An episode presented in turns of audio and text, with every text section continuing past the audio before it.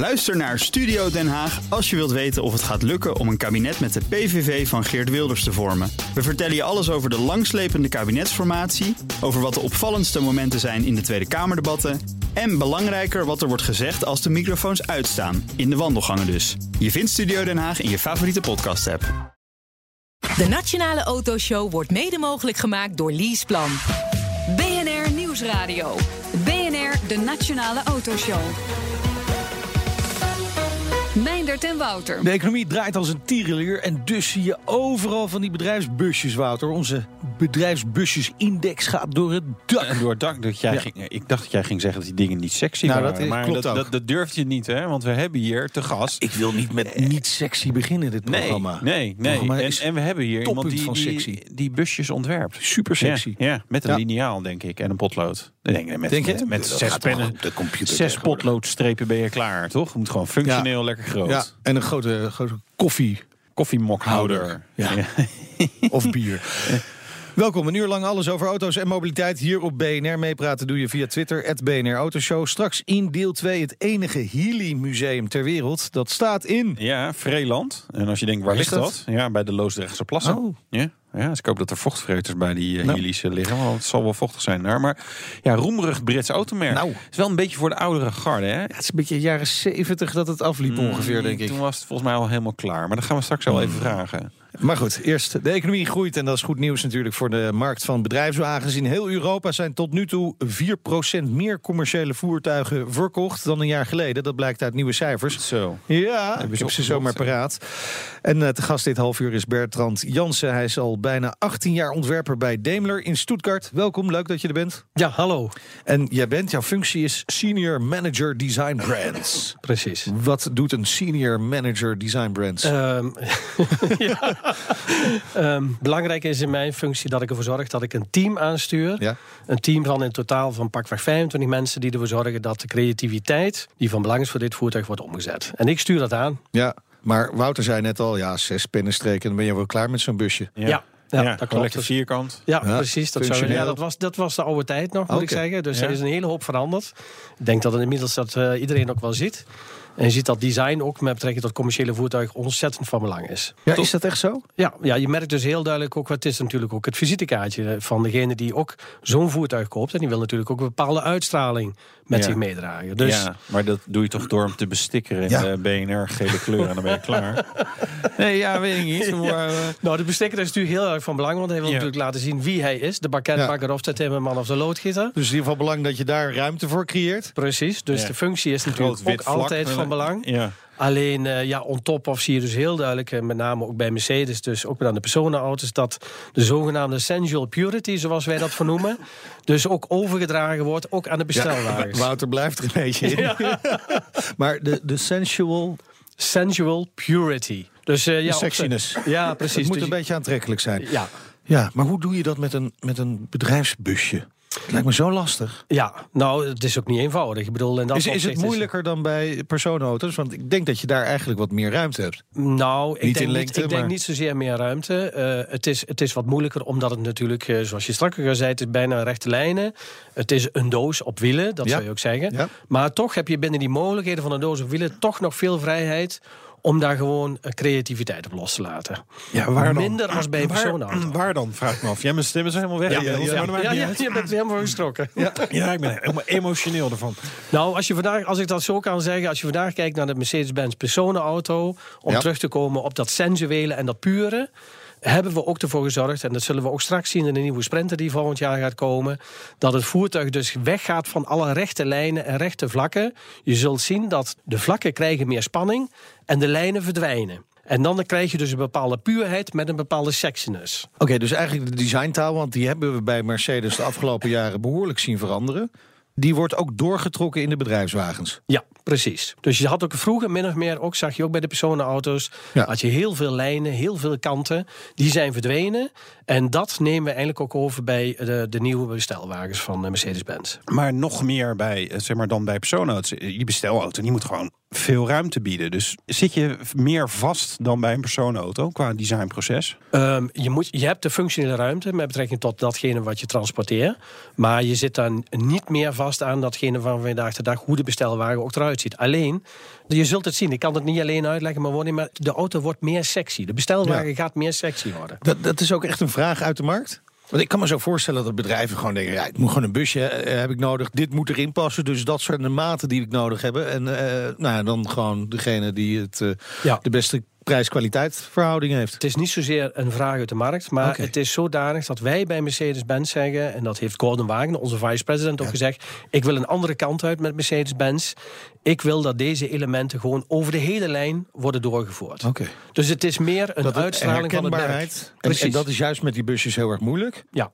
Kan ik me voorstellen. Precies. Want ik denk dat meer mensen sneller een personenauto herkennen qua merk dan een eh, bedrijfswagen. Ja, ja, dat zou je kunnen stellen, min of meer. Dus met deze verandering zorgen wij ervoor dat de bestelwagen gewoon attractiever wordt in zijn, in zijn totaliteit. Ja, en, en denken jullie dan ook dat de mensen die zo'n busje aanschaffen onbewust dan kiezen voor die sexiness van Mercedes? Nou, het is natuurlijk in eerste instantie kies je natuurlijk ook voor een merk. Dus je Ja, hebt ja. te maken met natuurlijk een bepaald imago. Ja. In dit geval dus een Mercedes-Benz. En dan krijg je dus een bepaald verwachtingspatroon... wat je min of meer ook al hebt laten zien bij de personenauto's... wat dan gewoon consequent wordt doorgevoerd in de bestelwagens. Dus men ziet ook, het is een Mercedes-Benz. En- En dat is ook belangrijk, zeg maar, een soort kwaliteit die je dan verwacht te kopen. Ja, precies. Het is gecombineerd met het imago, de verwachtingspatroon wat je dus hebt laten zien, dat dat ook zich in zijn hele lijn door gaat voeren. Je bent nu met een aantal projecten eh, bezig. Eh, je riep al een aantal dingen van. Maar, maar wa- wa- wat gaan we concreet terugzien dan? Van, wordt, wordt ieder busje een soort C-klasse, S-klasse, E-klasse, maar dan eh, nou ja, meer als busje? Nou, je, je zult zien natuurlijk dat je dus niet één op één de vormentaal van een personenauto kunt overbrengen. Nee. Ehm, want het blijft proportioneel een ander voertuig. Maar je zult de herkenbaarheid, hoe we, hoe we ehm, met de vlakken, hoe we met lijnen zijn overgegaan, zul je dus heel duidelijk terug gaan zien in de vormentaal. Dus bij wijze van spreken, een ronde airvents. Hebben we nu ook bij de X-klasse. Stap je in bij de X-klasse, de pick-up, de nieuwe pick-up. Ja, dan zul je heel hier voor de duidelijk deur. Precies. Ja. Dan zie je heel duidelijk eh, voor degene die in staat. Oh ja, dat is een herkenbaarheid van Mercedes-Benz. Dus dat zul je ook gaan zien bij de komende bestelwagens. De nieuwe bestelwagens. Het interieur is ook echt herkenbaar eh, als je een personenauto rijdt. Of een busje, dat maakt niet zo heel veel uit. Je herkent het direct als Mercedes. Precies. Maar je zei al, de, de sprinter die hebben jullie net afgerond. Ja. Eh, Neem, neem ons even mee in wat daar dan precies gaat veranderen. Behalve wat je al net hebt verteld. Die lijnen die gaan veranderen natuurlijk. Eh, De, de luchtroosters die worden meer Mercedes. Wat nog meer? Krijgen we ook zo'n scherm, zo'n los scherm? Je krijgt ook zo'n scherm ook. eh, ja, ja, dus dat zet zich ook voort. hè. Mercedes-Benz is wat dat betreft ook benchmark. Jullie hebben gisteren ook de nieuwe foto's van de nieuwe A-klasse gezien. Mercedes-Benz gaat heel digitaal. Dus we zullen displays zullen we ook in de toekomst gewoon voortzetten. Ook bij bestelwagens. Willen mensen dan privé nog wel een Mercedes-Benz rijden? Of denk je, jeetje, dat krijg je een beetje de associatie dat je weer in je bus stapt eh, s s'avonds in plaats van even gezellig eh, iets sociaals doen.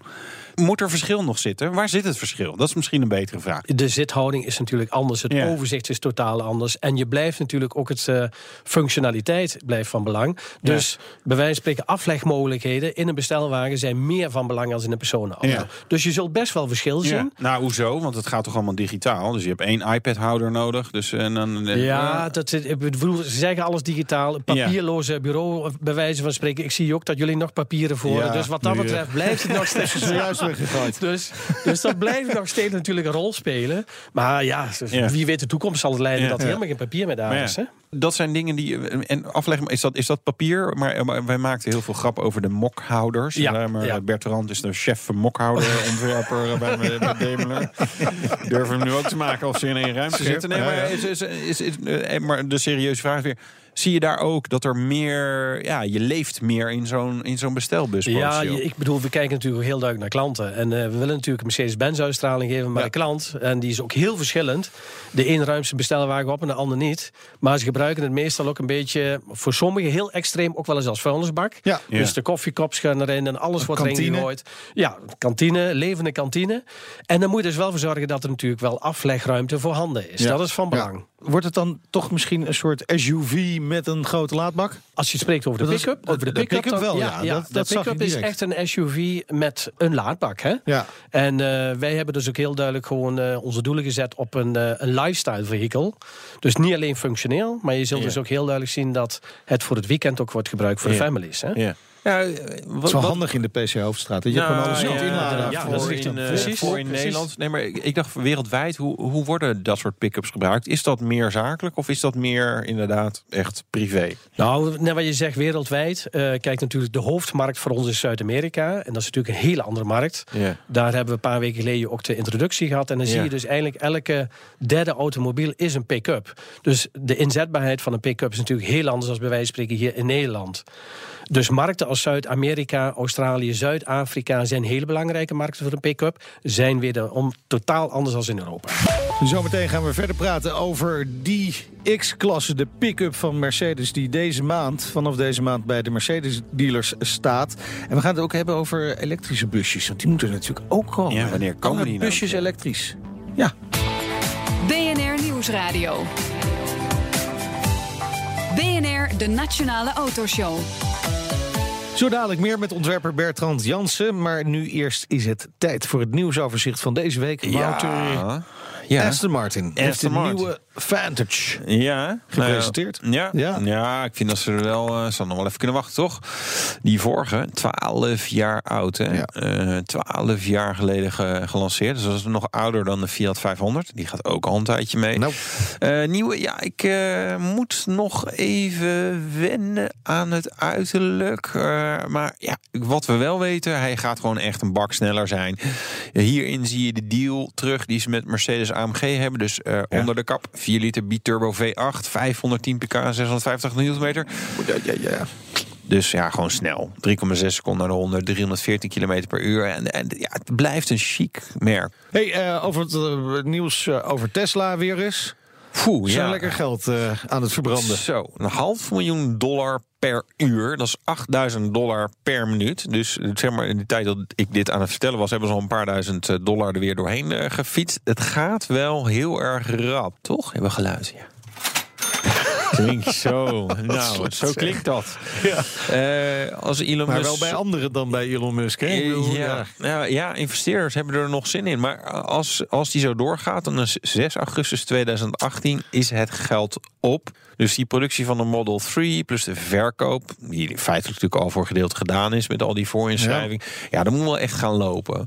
Ik, ik denk dat, dat dat wordt nog wel een tight squeeze voor hem. Je 6 ziet- augustus 2018. Het is eh, sneller dan je denkt. Ja, Zover. absoluut. We zetten hem in de agenda. Dan, politie mag kentekengegevens gaan opslaan. Ja, Wat is dit nu weer? Onze privacy. Ja, ja, die gaat er gewoon aan. Nou ja, daar komt het natuurlijk wel gewoon neer. Nee, nou ja, het is natuurlijk ook tegen gestolen auto's en zo. Alhoewel je daar, als je een beetje boeft, die jat daar natuurlijk ook kentekenplaten bij. Dus dan, eh, dan gaat het allemaal weer niet op. Maar goed, dat maakt allemaal niet uit. Ze mogen vier weken lang eh, gegevens opslaan. Ze mochten al gegevens opslaan, maar dat was dan alleen als het al verdacht was. Weet je, Ja, dus ja. uh, oh, we zien een kenteken wat uh, nou, waar Verdacht is, mee? is. Dat mogen we dan opslaan. Ja, ja. Nu slaan ze gewoon alles op vier weken lang. En dan kunnen ze lekker in gras duinen. Te zien waar je allemaal bent geweest. Nee, ik zie, jij was helemaal niet thuis bij je eigen vrouw, uh, Meindert. en zeggen, ja, maar ik had mijn auto uitgelezen. Ja, ja, precies. ja. Aan Wouter. De Petrolhead Check. En die doen we natuurlijk ook met eh, Daimler-designer Bertrand Jansen. Aan welke auto denk je met de meeste weemoed terug? Dat is eigenlijk een van mijn eerste auto's die ik gekocht heb. Dat was een Renault Clio 1.4. Zo, zo. Ja, 80 pk en Wow. eh, ja, een fantastische auto. Ja? Ja, geweldig. Waarom? Wat maakt hem zo fantastisch? Nou, ik had hem ook wat lager gelegd. En ik, eh, ik had ook ervaren dat die auto toch wel reed als een, eh, als een skelter, moet Ja, ik zeggen hoor. Dus eh, Oké. ja, het was een fantastische ervaring. Heeft hij het overleefd, die auto? Ja, die heeft het overleefd. Ja. Ja, ja, want ik ga wel heel voorzichtig met mijn auto's overweg. Ja, ja, ik Ja, ook zeggen. ja. Ja. Ja. Je gaat voorzichtig met je auto's overweg. Betekent dat je ook wel eens kosten maakt, denk ik. Aan welke auto heb je de meeste kosten gehad? Als ja, over, over kosten, dan heb je natuurlijk, eh, wij spreken ook over bijtelling. Dan heb ik wel aan de E63 AMG de meeste kosten gehad, ja. Ja. Ja. En die mocht je als auto van de zaak. En die bouw ik als auto van de zaak. Ja, ja, je hebt altijd ja. met bijtelling, Ja, kost het wel geld. Ja, heel vervelend. Maar ja, de brandstof wordt weer vergoed, dus dat is prima. Ja, Ja. en Ja. achterbanden ook. Ja. Dus dat scheelt, ja, precies. Eh, we vragen dan iedere designer die bij ons te gast is. eh, dat is best een eh, vervelende vraag misschien soms. Maar wat is de lelijkste auto die ooit gemaakt is? En het mag van het eigen merk zijn. Ja. Ja, mag, het, mag het van het eigen merk Ja, zijn? mag van eigen merk Van ons wel. Oh jee, ja, lelijkste auto. Ja, er zijn er toch wel verschillende lelijke auto's, om zo te zeggen. Dus eh, ja, Als ik er één op moet noemen, is het dat ik... eh, moet ik even denken, die zag eruit als een dolfijn vroeger. Dat was geloof ik een Fiat was dat, eh, met zes, zes zitplaatsen. Oh, de, de... Multipla. ja, de Multipla. Ja. Vond ik Ja. ook wel een hele lelijke auto, ja. Maar wel eh, baanbrekend ontwerp. Dat wel. Als concept zul je dan wel weer zien dat het fantastisch is. Maar het, was, het verdiende niet de schoonheidsprijs. Ja, ja. En wat zou je daaraan veranderen als je, als je de kans had gehad? Of gewoon überhaupt niet Nou, bouwen? eigenlijk, het, Gewoon het, kreeg een beetje, Ontslag kreeg een beetje de bijnaam als dolfijn. Omdat het toch een heel rare neus had. Ja. Dus eh, als je dat zou Ja, kunnen dat- veranderen, dat dan had je qua concept... had je dan wel weer een, eh, een fantastische uitstraling. Ja. Hè? Ja, Maak je ervan. Ja, ja. Nou, doe maar wat, joh. Prima. Ja, Ja, ja dat doen we dan. Ik vind het prima. Zeker. E63 als eh, auto van de zaak. Ja, dan eh dan scoor je. Uitmuntend. Oh ja, wordt nog beter. Prima. De Petrolhead Check met ontwerper Bertrand Jansen, senior manager design brands bij Daimler, het eh, moederbedrijf van eh, Mercedes-Benz. Deze maand in de showroom. We hadden het er net al over. Hè, de Mercedes X-klasse. Een pick-up staat hier voor de deur. Dus als je even tijd hebt, kom vooral even kijken.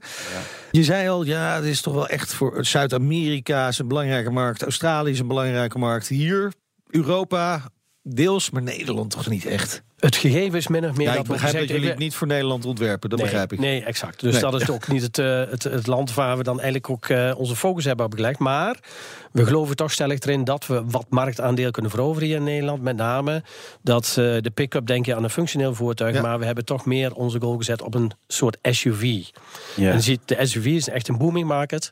Dus in dat opzicht, eh, ook met de imago van Mercedes erachter, geloven wij er stellig erin dat dit nieuwe marktsegment. Ja, want het is eigenlijk een toch wel- crossover Ja, tussen een. SUV en een pick-up. Ja, exact. Daar komt het op neer. Ja. En we geloven stellig in dat dat wel succes gaat hebben in Europa. Waarom? Nou, omdat dat het een marktsegment is wat nog niet gevuld is, om het maar zo te Dat zeggen. iedereen hebben straks. Ja, Ja, ja, dat- precies. nee, je- je- je- je- je- nou ja, dat klopt. Er zijn natuurlijk Zou wel, kunnen. er zijn wel aanbieders, vooral eh, Japanse en eh, Ford heeft natuurlijk ook weer iets en Volkswagen heeft eh, ook een, een, een, een, een pick-up. Ja, die hebben ook Dus- allemaal pick-ups. Ja. Klopt, ja. Maar geen maar- Mercedes, het zijn allemaal geen Mercedes. Ja, maar Nee, oh, wacht even. exact. Dit is eigenlijk Ja. ook een beetje een Japanner, hè? Eh, nou, nou, nou, Beetje hoezo wel, dat? toch? Hoezo? Basis is afkomstig van Nissan. Dat klopt. We hebben wel gebruik gemaakt van de rijke historie van Nissan. Want die hebben natuurlijk heel veel kennis op het gebied van pick-up. Ja. Maar alles wat je ziet van buiten en zowel binnen, elk plaatdeel, elk eh, element is gewoon uniek aan Mercedes. Maar je maakt ook gebruik met name dus van de productiefaciliteiten van, eh, van Nissan. Hè? Ja.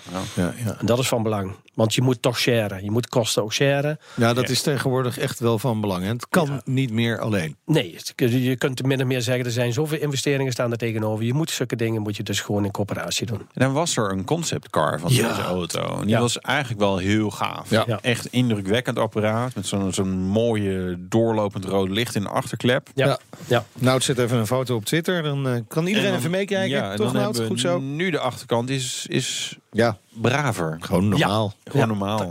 Ja. Maar goed, ja. Heb, je- heb je de strijd verloren dan als ontwerper? Of had je zoiets van, nou, dit, dit ja. Nou, je kunt, je kunt je voorstellen, er staan natuurlijk heel wat jaren tegenover voor het ontwikkelen van een product. Dus die Ja. conceptvoertuigen komen zelfs later als het product. Ja. En eh, eindelijk moeten we daar. Maar ook- Jij wist al wat het zou worden toen dat concept ja, er was? Ja, Oh, het concept dat hebben we in zes maanden gebouwd. en eh, je, daar hebben we natuurlijk ook min of meer toch wel de basis genomen van het uiteindelijke productievoertuig. Maar je hebt gelijk. We hebben er wat elementen aan toegevoegd, waardoor je dus een verschil laat zien, een onderscheid laat zien. Om natuurlijk ook heel leuk de markt te laten zien. We komen met een pick-up. Ja. Alleen eh, terug te komen op het element wat je net zei met eh, dat doorlopende licht aan de achterzijde was natuurlijk fantastisch. Ja. Maar je kunt je voorstellen dat om te zetten in productie, in Ja. kosten, Ja. complexiteit. Ja, maar ja, je Eh, bent een premium merk of niet? Ja, toch? dat klopt. Je wil Dat is wel een beetje uitstraling. Je bent een premium merk, maar ja, helemaal Ja. waar. Maar je moet natuurlijk ook enigszins toch wel kunnen concurreren. Maar ben je daar continu mee bezig met je ontwerp? Met dat kostenplaatje? Ja, eigenlijk min of meer de ontwerper is. eh, Baal je daar niet onwijs van af en toe? Nee, dat is een deel van jouw job. Hè? Ik Ja, bedoel, Maar natuurlijk- zou je niet gewoon een keertje willen... eh, Van Lekker de nieuwe S-klasse ontwerpen. maar, maar dat eh, doen we met conceptvoertuig van de pick-up. Ja, dus ja. daar zijn we helemaal losgegaan. En Ja. daar zie je dus heel duidelijk het verschil... wat je het maximaal eruit kunt halen. Wat, voor- wat voor soort beperkingen hebben die kosten op, op, op zo'n ontwerpproces voor een bestelauto? Moet je dan echt andere keuzes maken? Ja, je moet echt andere keuzes maken. Want ik daar straks ook zei, je moet je inrichten ook op een productiefaciliteit. Want het is een massaproduct. Ja. Dus je moet ervoor zorgen dat de functionaliteit en de kosten en de reproduceerbaarheid, dat dat gewoon eh, op een verantwoorde manier dus omgezet Ja. wordt. Maar win je die wedstrijd ook wel eens andersom bijvoorbeeld? Dat de directie van Daimler zegt van... Ah ja, die, die, wat je nou hebt bedacht, dat, dat kost te veel. En dat jij gewoon zegt, ja maar jongens, dit moet voor het ontwerp. Ja, je gaat soms wel in de uitdaging aan. En wat je zegt, dat is een heel goed voorbeeld. Je merkt dus heel duidelijk dat eh, de verrassing komt uit de hoek. Zo gauw we dus iets kunnen presenteren... waar nadien niet van gedacht werd dat het dus kostenprijs technisch gunstig zou zijn. Dat ze gezegd hebben, nou, dat is een fantastisch idee. Dat zetten we om. Dan heb je dus je strijd gewonnen. Heb je een voorbeeld? Met een koplamp, bij wijze van spreken. Ja, de koplamp is van de X-klasse is een heel complex element. Daar geloofde men niet zozeer in datgene van dat we daar een bepaalde uitstraling aan konden geven. Wat we bereikt hebben, zonder in detail te gaan. Maar ik wil toch wel weten wat er nou zo bijzonder aan de koplampen is. hij is heel laag, hij Ja? is heel vlak en hij is heel breed.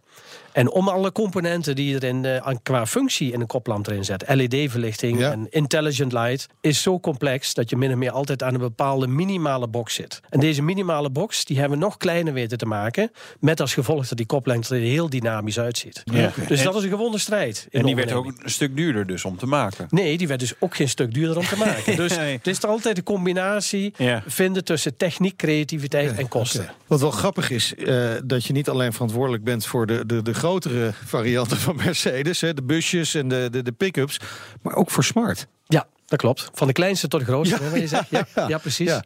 En alles wat er tussenin zit niet. Nee. Ja. Twee modellen zijn er natuurlijk van, de, de 4.2 en de 4.4. Ja.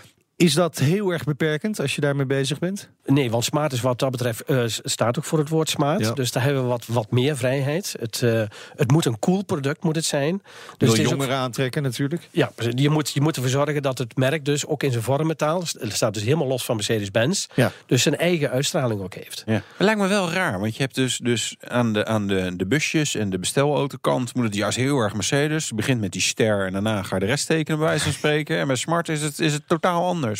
Want er staat voor het merk smart. Ja, er staat ja, geen maar, is, op, dat- hè? ja, dat is toch raar, is, maar is dat niet een rare combinatie voor jou om, om, om, om die beide teams aan te sturen?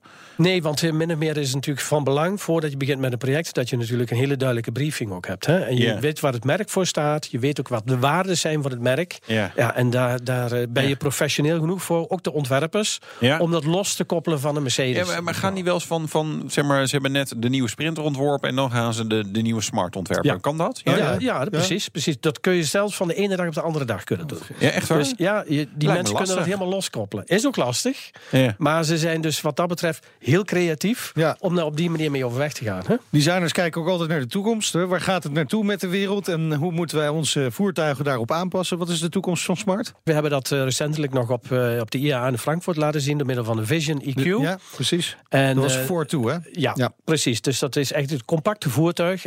ideaal voor de stad, want daar gaat de toekomst natuurlijk ook uit. Ja. Dat weten we allemaal. 2021, 2022 hoor je sommige steden dat ze zeggen... ze laten geen auto's meer met brandstof toe. Elektrisch vervoer. Nou, dan is de Smart natuurlijk een ideaal voertuig. En wat we hebben laten zien met dit concept... is het eh, niet alleen het autonome rijden, maar ook de robocar. Dus geen stuurwiel, geen pedalen. En je kunt door middel van een app op jouw eh, smartphone... kun je het eh, voertuig naar je toe roepen. En hij brengt je van A naar B. zou ook leuk zijn als je ook dan, nog wel zelf zou kunnen rijden met je smartphone. Dus gewoon lekker een beetje zeg maar, door het voor doolhof heen slepen. Maak er een spelletje van. Maar waar we het nog niet over hebben gehad, ook belangrijk. Iedereen ergt zich ook aan de dieselbusjes Ja. in de stad. Ja. Wanneer is de doorbraak van de elektrische bestelauto? Nou, we hebben recentelijk ook weer de e-Vito hebben we ook eh, eh, getoond Ja. aan de markt, min of Ja. meer. Ja. Ja. je ziet het gewoon, het is echt de hype. Hè? Alles moet elektrisch gaan worden. Hè? Dus eh, wat je net zelf zegt, met betrekking tot dieselen... is het straks in de stad is elektriciteit denk ik wel een must. Dat gaat eraan zitten komen, ook voor bestelwagens. Ja, En betekent dat nog iets voor jouw designproces om, om elektrische bestelauto's? Wordt het dan echt fundamenteel anders? Of maakt dat Nou, zozeer uit? voor de bestelwagen denk ik niet zozeer. Want je blijft toch eh, met de functionele ruimte die je nodig hebt. Eh, met betrekking tot het platform, natuurlijk de motor verdwijnt. Mhm. Eh, je hebt elektromotoren, je hebt ook accu's.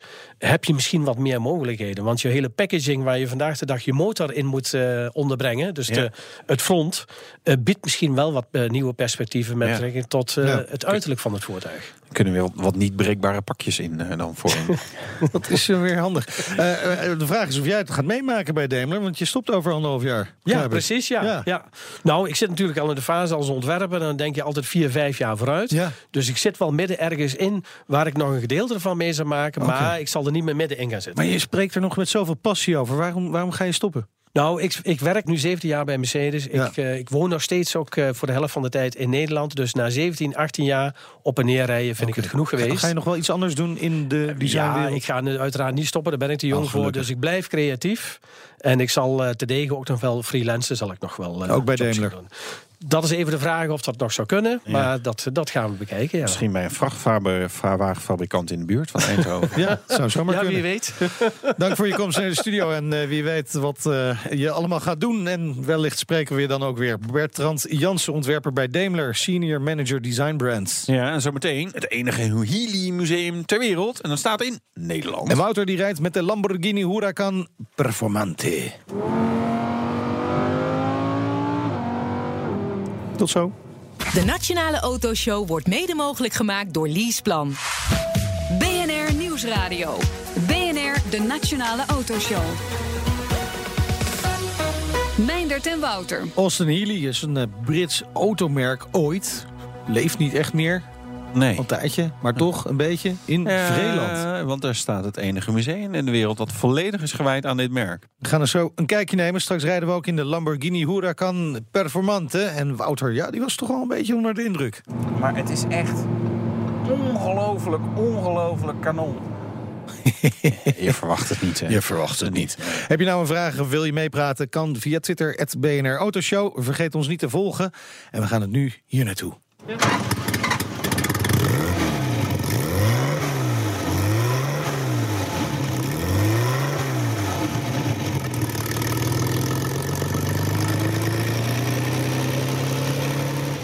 in 16 seconden verander je van een gewone luisteraar in een petrolhead.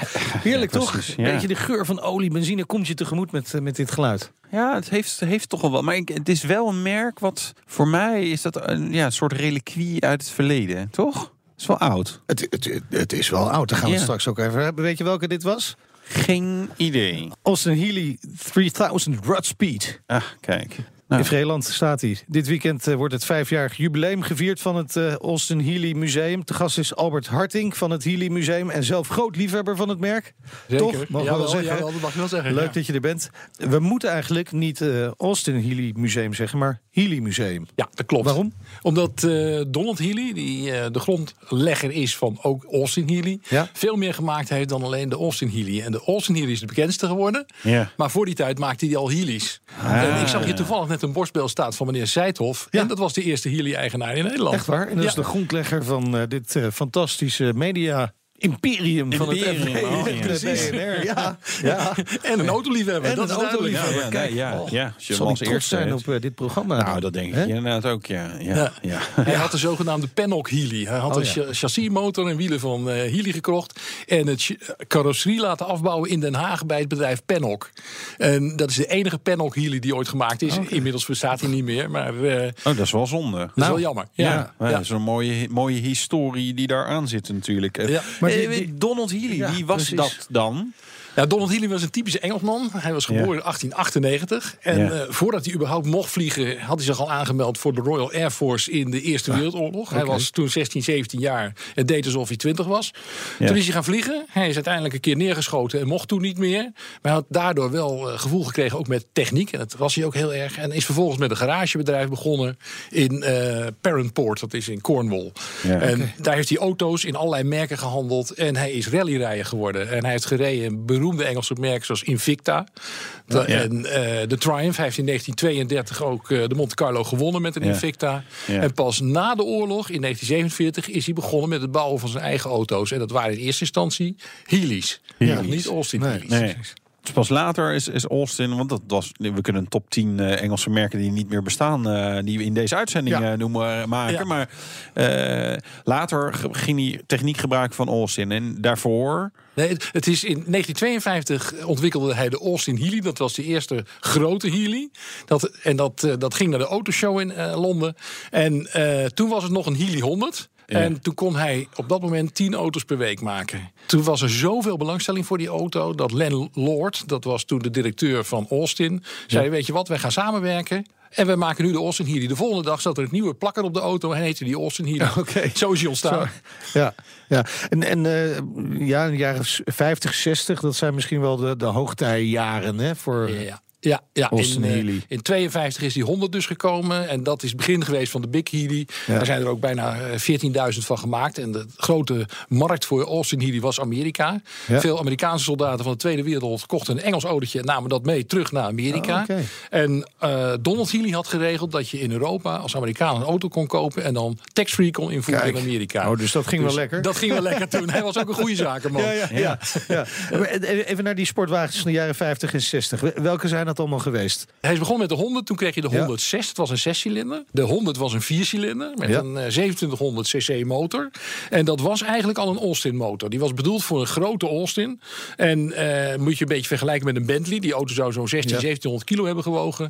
En die motor heeft eh, Donald gebruikt om er een autootje op te bouwen van zo'n 900 kilo. Dus dat gaat in één keer heel hard. Ja. En hij heet ook de 100 omdat die standaard 185 km per uur reed. Oftewel 100 mijl. Nou, dat is iets meer dan 100 mijl, toch zelf? Ja, ja, ja, hij ging er iets overheen. En eh, ze hebben er mee op Le Mans geraced, ze hebben er mee op Sebring geraced. En Ja. zo is de naam gevestigd op een gegeven moment. Ja, maar wat een bizar verhaal eigenlijk zijn historie. Zeg maar, eh vlieger, terwijl je dus jong bent, neergeschoten, lekker iets met techniek... en dan ga je gewoon je eigen automerk eh, beginnen. Ja, dat is waanzinnig. Maar hij heeft ook zelf orgeltjes gebouwd, fotocamera's. Eh, hij was gewoon gegrepen door techniek. Ja. En Ja. hij heeft zich overal op gegooid Ja. waar, eh, waar je zijn technische kennis in kwijt kon. En in, in het museum heb je dan ook de orgeltjes en de fotocamera's? Zeker, ja. zeker. Ja, ja, ja. Wij hebben een is niet alleen voor de autoliefhebbers, maar ook voor Ja, de orgelliefhebbers. En als iemand erop kan spelen, is hij van harte welkom. Oh.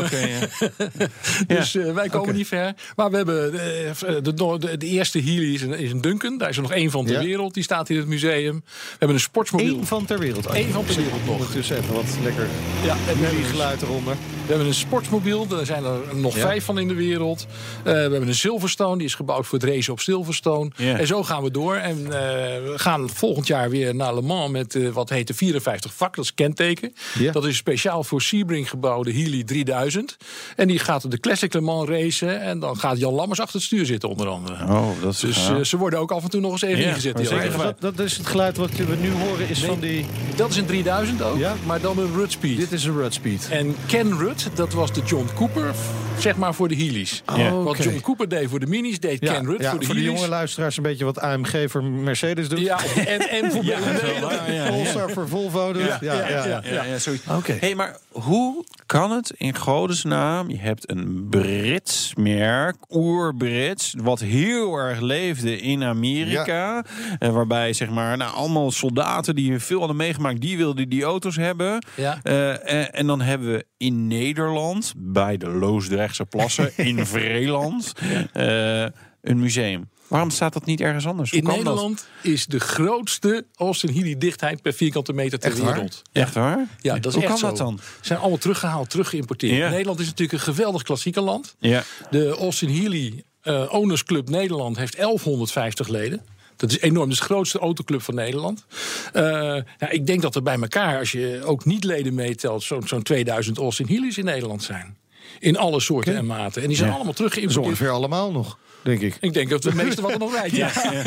Ja. Eh, hoeveel zijn er ooit gebouwd überhaupt? Of Healy's? Eh, 65.000 grote. Ah, oké. toch wel aardig Ja, Big aardig Healy is een eh, groot Ja. product geworden. Ja, maar er zijn er ook wel een heleboel echt gesneuveld en die, die, die worden nooit meer wat. Dus Er waren heel veel mensen die kochten zo'n Ja. ding bij de dealer, reden ermee weg, haalden de bumpers eraf en gingen het circuit ermee op. ja. Ja, oké. Dus er zijn er heel veel plat Ja, gereden ja, ook. ja, zonde. Maar voordat we naar eh, dat museum gaan, het, het, het feit dat het merk niet meer bestaat, dat het toch behoorlijk populair was, ook in Amerika destijds. Ja. Hoe, hoe is dat gebeurd? Waar is het aan kapot gegaan? Ja, het is uiteindelijk Zoals de samen... Britten altijd eh, mismanagement. Het is natuurlijk eigenlijk geen enkel automerk meer Nee, wat nog nee. Brits is. Ja. Want als je het over Jaguar hebt, is het van een Indiaanse eigenaar. Dus Ja. bedoel, dat is typisch Brits. Ze hebben het allemaal samengevoegd in uiteindelijk British Leyland. Dat was Ja. Wolseley, Riley, Austin Healy, noem alles maar op.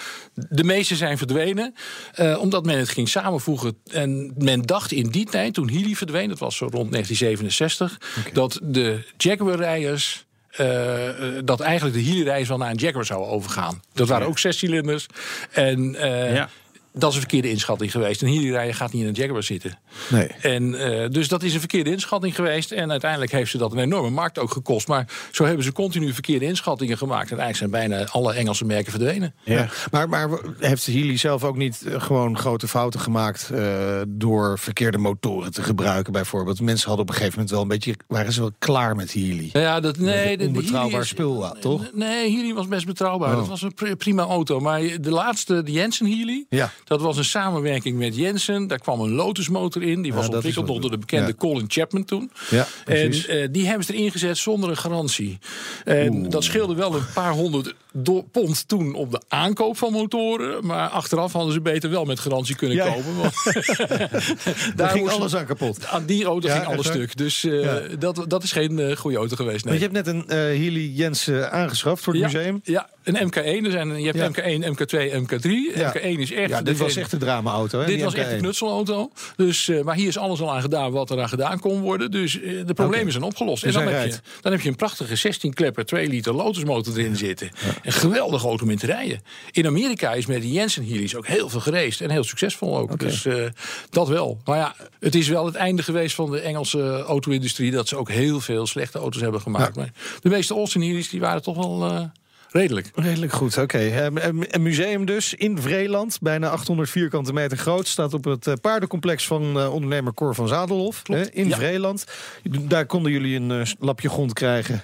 Daar konden we een prachtige grote schuur huren. Een grote schuur. Ja. Met een, eh, een leuke bar achterin. Ja, en wat Ook meer paardenkrachten dan normaal erin. Ja, ja, ja, maar het is een prachtige combinatie. Paarden met paardenkrachten. Zeker, hè. Dus, absoluut. ja. Ja. En hoeveel auto's staan er? Er staan nu zo eh, tegen de 20 auto's. En dat wisselt ook, want af en toe gaat er weer eens eentje weg en dan komt er weer één voor terug. Eh, ze zijn continu ook een beetje in beweging om het ook een beetje interessant te houden. We gaan zo eens benoemen wat er allemaal in dat museum, eh, dat Healy Museum staat. En uit de hele wereld komen Healy-liefhebbers naar Vreeland. Het is misschien wel een soort bedevaartsoord geworden. Ja. En ik mocht een eh, rondje doen in de Lamborghini Huracan Performanta. Ja, ook leuk. BNR Nieuwsradio. BNR, de Nationale Autoshow. Zullen we een stukje gaan rijden? De rijimpressie. Lamborghini Huracan Performante maakt het eh, beest in Wouter los met alle gevolgen van dien. Ik rij echt net weg bij een hele grote politiecontrole. Best wel hilarisch.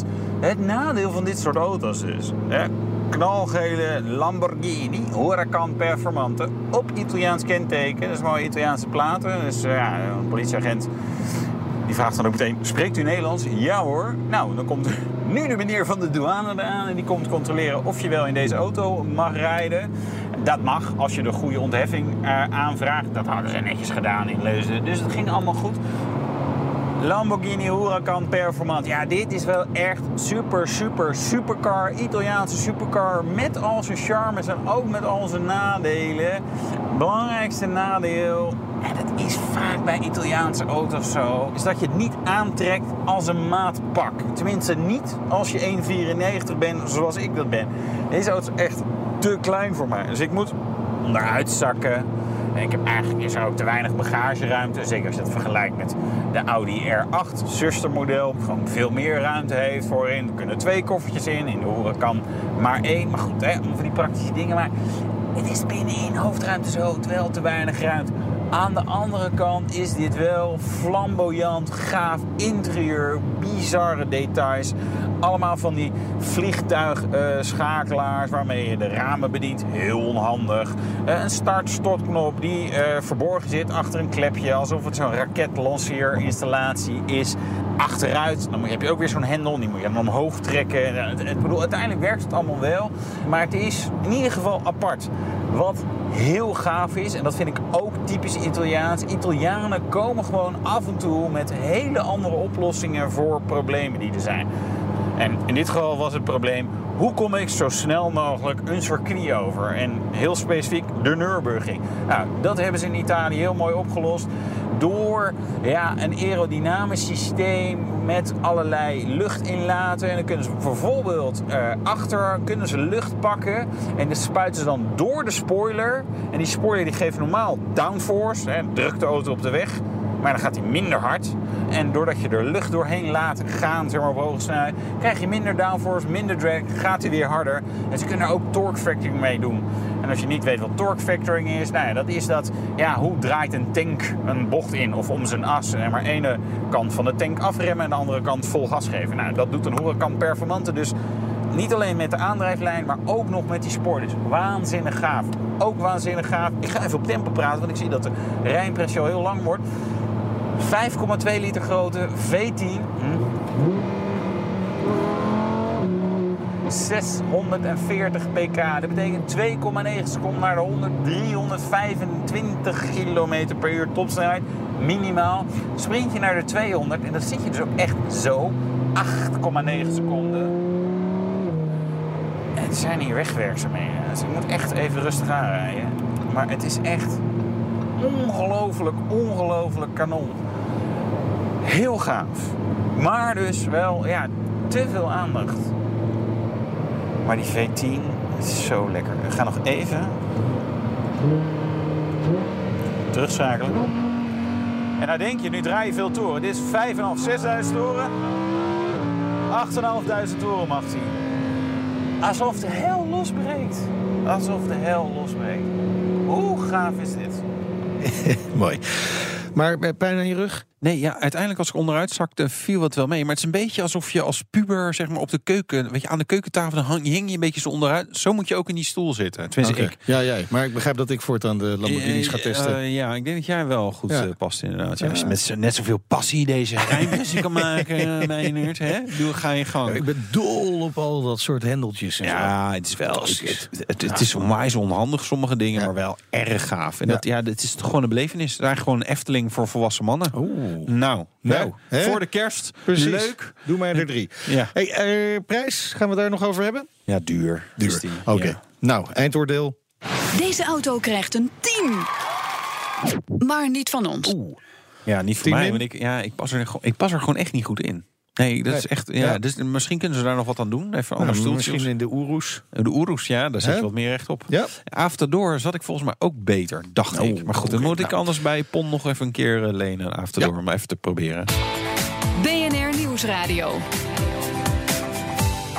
BNR, de Nationale Autoshow. En dan praten wij verder met Albert Harting eh, van het Healy Museum in Vreeland. Dat eh, vandaag op de kop af vijf jaar bestaat. Het enige museum over dit automerk in de wereld. En dat trekt natuurlijk de aandacht. Hè? Jullie, jullie hebben echt bezoekers van over de hele wereld? Van over de hele wereld. Eh, Amerikanen die maken er een landing voor in Amsterdam om even naar het Healy Museum te gaan. Die zelf nog eh, vroeger bijvoorbeeld een Healy gehad hebben Ja. of nog steeds hebben. En die komen kijken. We hebben dit, dit weekend dus vanwege het vijfjarig bestaan ook weer een heleboel mensen uit Amerika die komen. Engelsen, Australië. We hebben de, ook de autoclub uit Australië op bezoek gehad. Oh ja. Met een stuk of tien Healy's. Dat zijn die komen rijden vanuit Australië? Nou, dat hebben ze over laten varen en vervolgens zijn ze door Europa Ja, gescheurd. maar ik begrijp wel dat die Australiërs gekke dingen doen met Healy's. Die bouwen ze helemaal om. Eh, ze zetten de V8's in. Ze, zagen ze door de midden, maken ze twee keer zo breed. Eh, ze vergromen alles wat er te vergromen valt. Maar ja, dat is hun hobby. En het is nog steeds aan de buitenkant een Healy. En wij Nederlanders hebben veel meer de neiging om het ding zo origineel mogelijk te laten. Maar het is allemaal hobby en het is allemaal even leuk. Maar dan zijn die Australiërs dan net zulke knutselaars zoals de Engelsen ooit waren? Absoluut. Ja? Absoluut. En eh, ze zijn altijd al liefhebber geweest van Austin Healey's. Bijvoorbeeld, eh, er zijn 100 S'en, daar zijn er maar 50 van gemaakt ooit. Nou, het grootste aantal 100 S'en bevindt zich in Australië. Oké. Dus eh, Australiërs zijn echte autoliefhebbers ook. En met name ook het merk Austin Healey. Ja. Hoe komt dat? Omdat die Engelse-Amerikaanse roots? En, eh, Ik denk Engels-Amerikaanse roots. Ja, Ja. ja, ja, Ja. ja.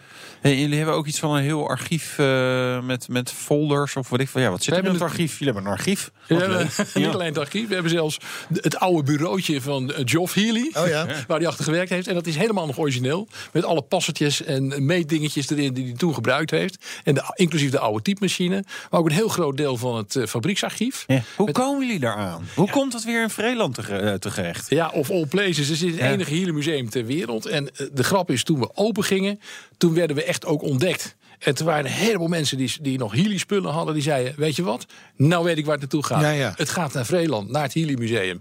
Dat is fantastisch. En er zijn eh rallyrijders die alles hebben overgelaten aan ons.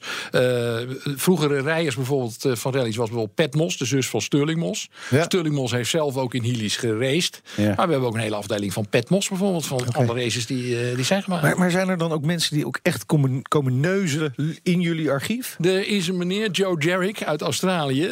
Dat is een absolute de 100S-man. Ja. Die heeft ook overnacht in het museum. En een aantal... Waar? eh, Gewoon op zo'n stretchertje even... stretchertje boven neergezet op kantoor. Wij zeiden prima, je in, gaat in je de ho- maar. in de hooibaal natuurlijk. Ja. Dus dat was En, een uh, paardenstoeterij toch? Daar zo, of niet? inderdaad. Ja.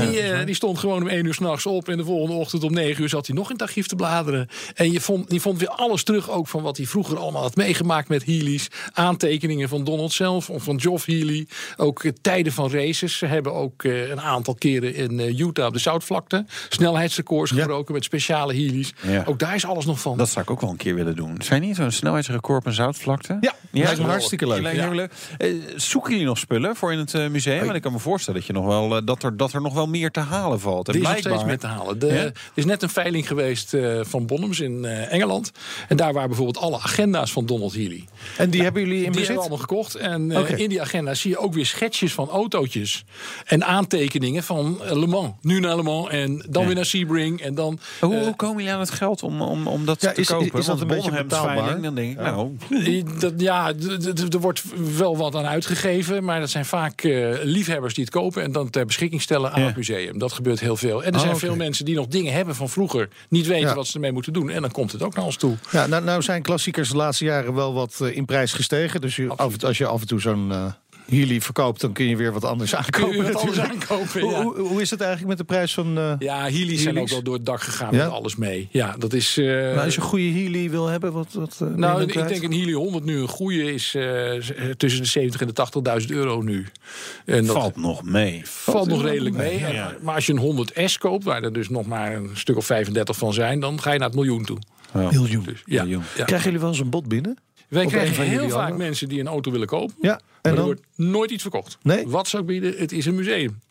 Ja, maar ja, je kan ook zeggen, joh, verkopen, de, verkopen we er één ding en, en we, we kopen een tien Ja. andere terug. Nee, je krijgt het nooit meer terug wat we nu hebben staan. Nee? Is het zo bijzonder? Wat we, eh, echt, echt bijzondere exemplaren nu in het museum? Ja, de, de, de, wat ik zeg, de Duncan Healy, daar is er nog één van in de wereld. Nou, die kan je nooit meer terugkopen.